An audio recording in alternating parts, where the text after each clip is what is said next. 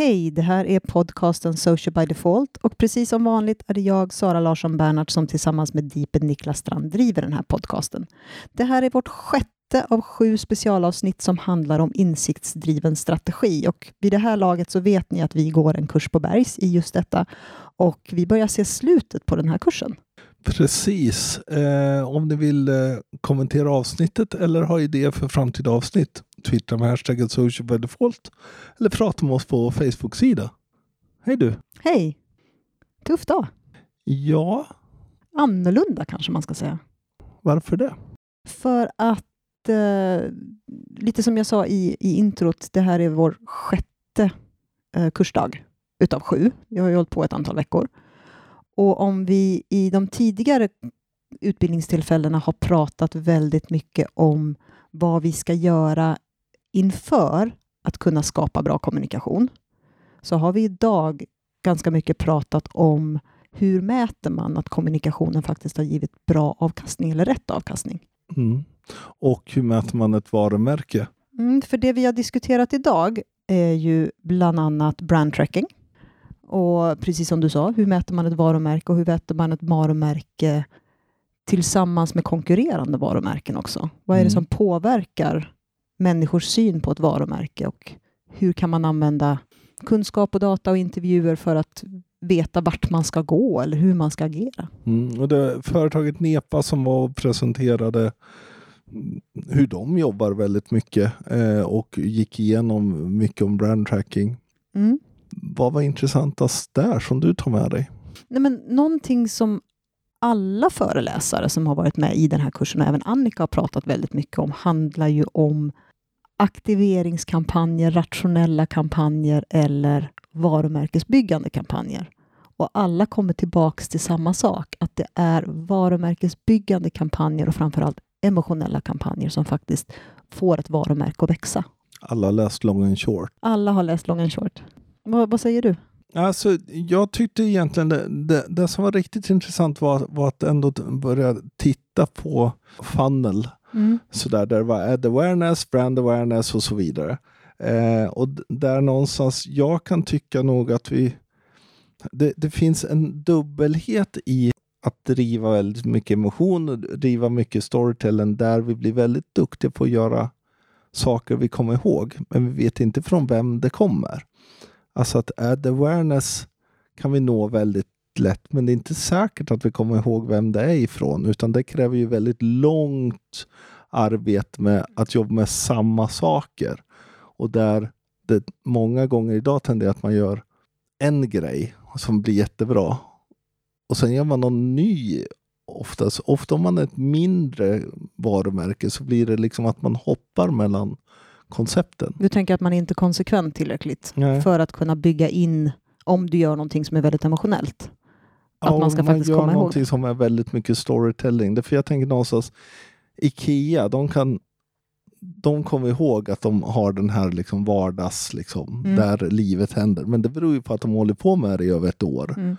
Men som liten spelare så blir det ju lätt att du gör någonting jättebra, men ska du hålla i det så börjar det liksom bli jobbigt. Ja, för det var ju också en sak som han tog upp, att när man ska göra en riktig brand tracking, att man måste mäta på två år och längre Mm. för att verkligen se hur varumärket har påverkats. För Mm. du har ju säljcykler, du har saker som händer i omvärlden, du har säkert konkurrenter som kanske gör saker, vilket innebär att om du ska få ett äkta mättal att faktiskt titta på så måste du göra det långt över tid. Mm. Och då gäller det väl också att du är ganska konsekvent i din, dels i hur ofta du gör marknadsaktiviteter eller reklamfilmer eller liknande. Men också att du håller i kanske ett koncept under väldigt mycket längre tid än vad vi är vana vid att se. Mm. Och där han också tog upp just att 60-40 det här som kommer från Bineo Fields. Eh, men där det på riktigt, när han har tittat så ligger det snarare 28-72. Alltså att 72 procent av marknadsföringen är aktiverande marknadsföring, alltså kortsiktig sälj marknadsföring. Som när man mäter på lång sikt visa sig ha ett sämre, en sämre påverkan på varumärket och ja. kanske mindre, minskad försäljning om man tittar över tid. Sämre investering, liksom. Att du får ut mindre av din investering på lång tid. Men jag tänkte lite på det när vi, när vi hade lektionen. Vilka varumärken är det som jag vet håller i sin kommunikation? Och ICA är ju ett. Mm. De har ju, menar, det är de inne på år 12 eller år 13 egentligen. Mm. Sen finns det ju, återigen då, någon av eh, teleoperatörerna. Han som har polisen. Comvik. Comvik. De har ju också hållit i länge. Mm. Men jag kan inte säga vilket varumärke det är, men jag gillar deras reklam. Mm. Och de har ju hållit i länge. Sen finns det några andra sådana som också hållit i länge. Men jag kommer inte ihåg några av dem som har varit korta.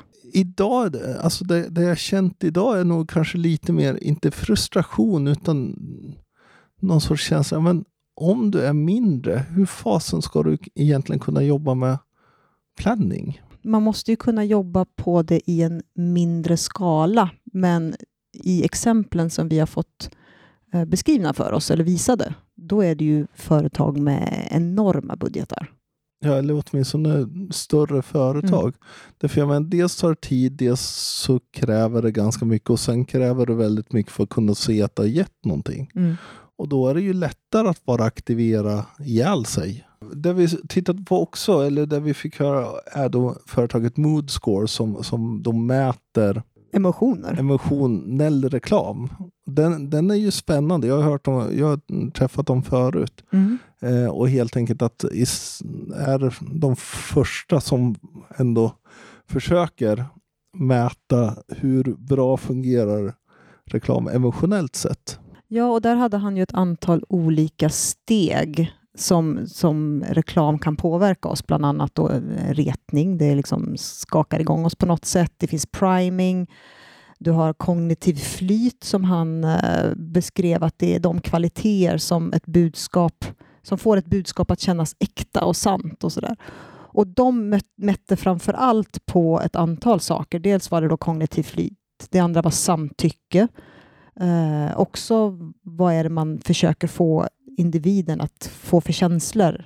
Om det är välbefinnande eller oberoende eller frihet och så. Här. Och sen så mätte de på sympati, att man faktiskt gillar ett varumärke. Mm. Och enda sättet som det gick att mäta ordentligt var ju intervjuer.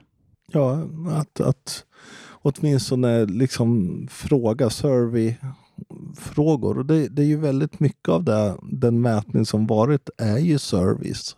Men det måste vara vansinnigt både tidskrävande och, och kostsamt egentligen. Mm. Och den här är ju inte så kostsam, men den är ju samtidigt kan man ju alltid fundera, men vad får man ut av det sen? Därför som du är, så här, det kommer ju väldigt ofta efteråt. Mm.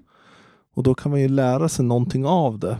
Men frågan är vad lär man sig av det och hur långt tar man analysen? Ja, för säg att du har liksom kört ut en kampanj och sen inser du att den inte alls gav den effekten som du hade förväntat dig. Folk fick inte den känslan runt budskapet som man kanske hade förutsett eller hoppats på. Vad gör man med den insikten då? Eller vad gör man med Mm. Byter man, om du har ett koncept som ska vara återkommande, byter du riktning eller då, då är du ju borta ur det här att vara konsekvent och långsiktig. Och mm. När vet man att något fungerar och inte fungerar? Mm. Ja, det handlar ju väldigt mycket, båda sakerna handlar ju väldigt mycket egentligen om att förhålla sig till, förhålla sig till sin historia lite. Mm. Men det som jag kan tycka är, är intressant i allt det här som vi har pratat om idag är ju vikten av uppföljning. Mm. För där tror jag, där, där, jag menar, jag jobbade ju på byrå långt innan du och jag började jobba ihop. Måste ju säga att det var inte jätteofta vi hade liksom uppföljningar och mätningar om hur saker och ting hade, vilket resultat vi hade fått, förutom om det kanske var någon form av spik i försäljning. Mm.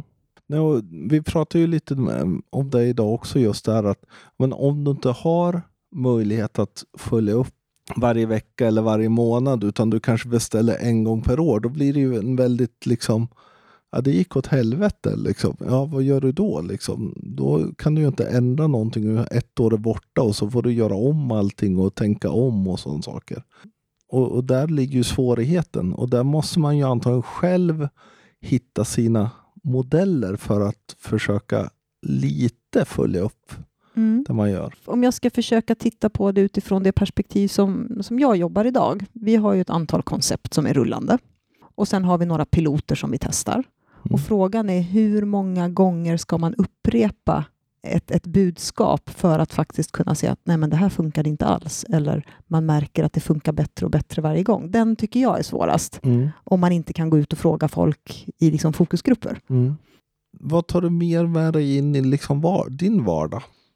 Du, du, var, du känner liksom det, det är väldigt det är lite svårt att översätta ibland till business to business, det vi har ja, vi pratar om.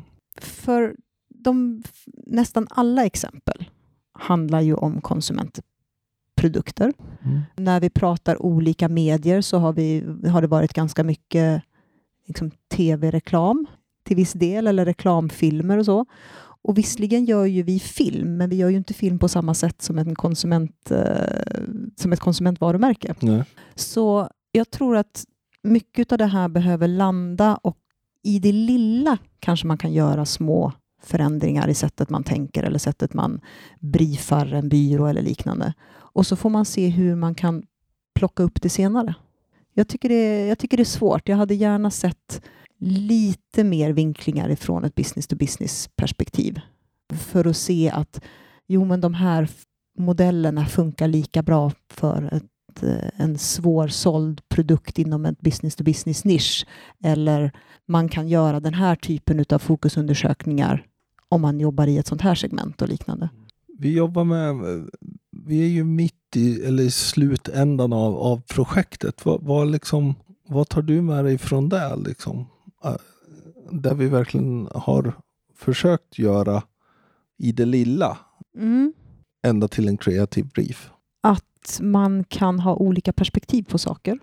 Man kan eh, förälska sig i idéer och kanske återigen rationalisera sin idé utifrån fakta som man hittar.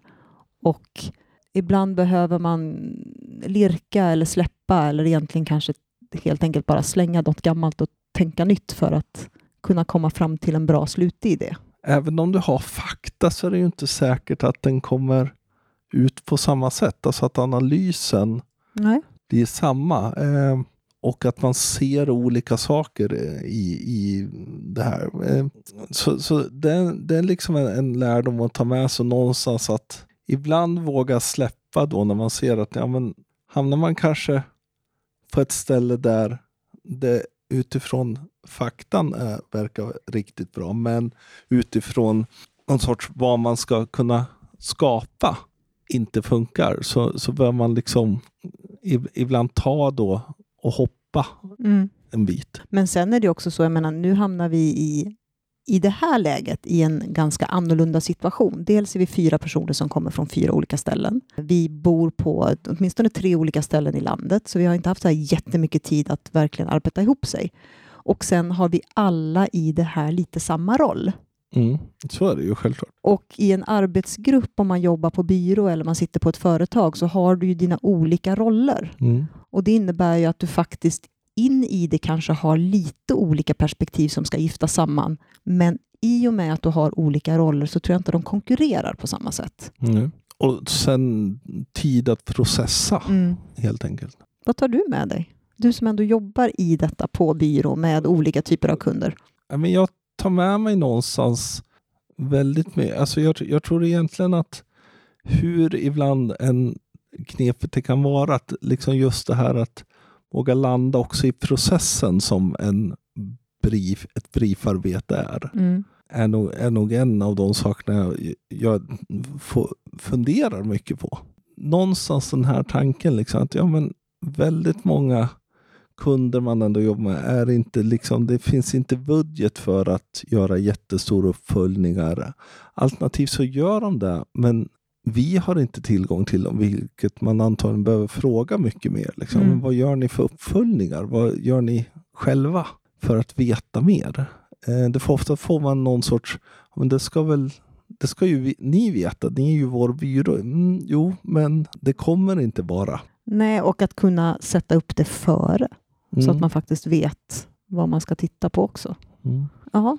Och sen mycket, mycket, alltså, men det har inte med idag, men, men någonstans du, som du och jag har pratat väldigt mycket runt data och svårigheten ibland att få tag på data. Mm. Därför det, det har ju vi suttit mycket i att ja, men idag är det svårt att få tag på annan data. Än de egna sidorna och det man producerar själv. Ja. Ja. Framförallt ifrån sociala medier. Mm.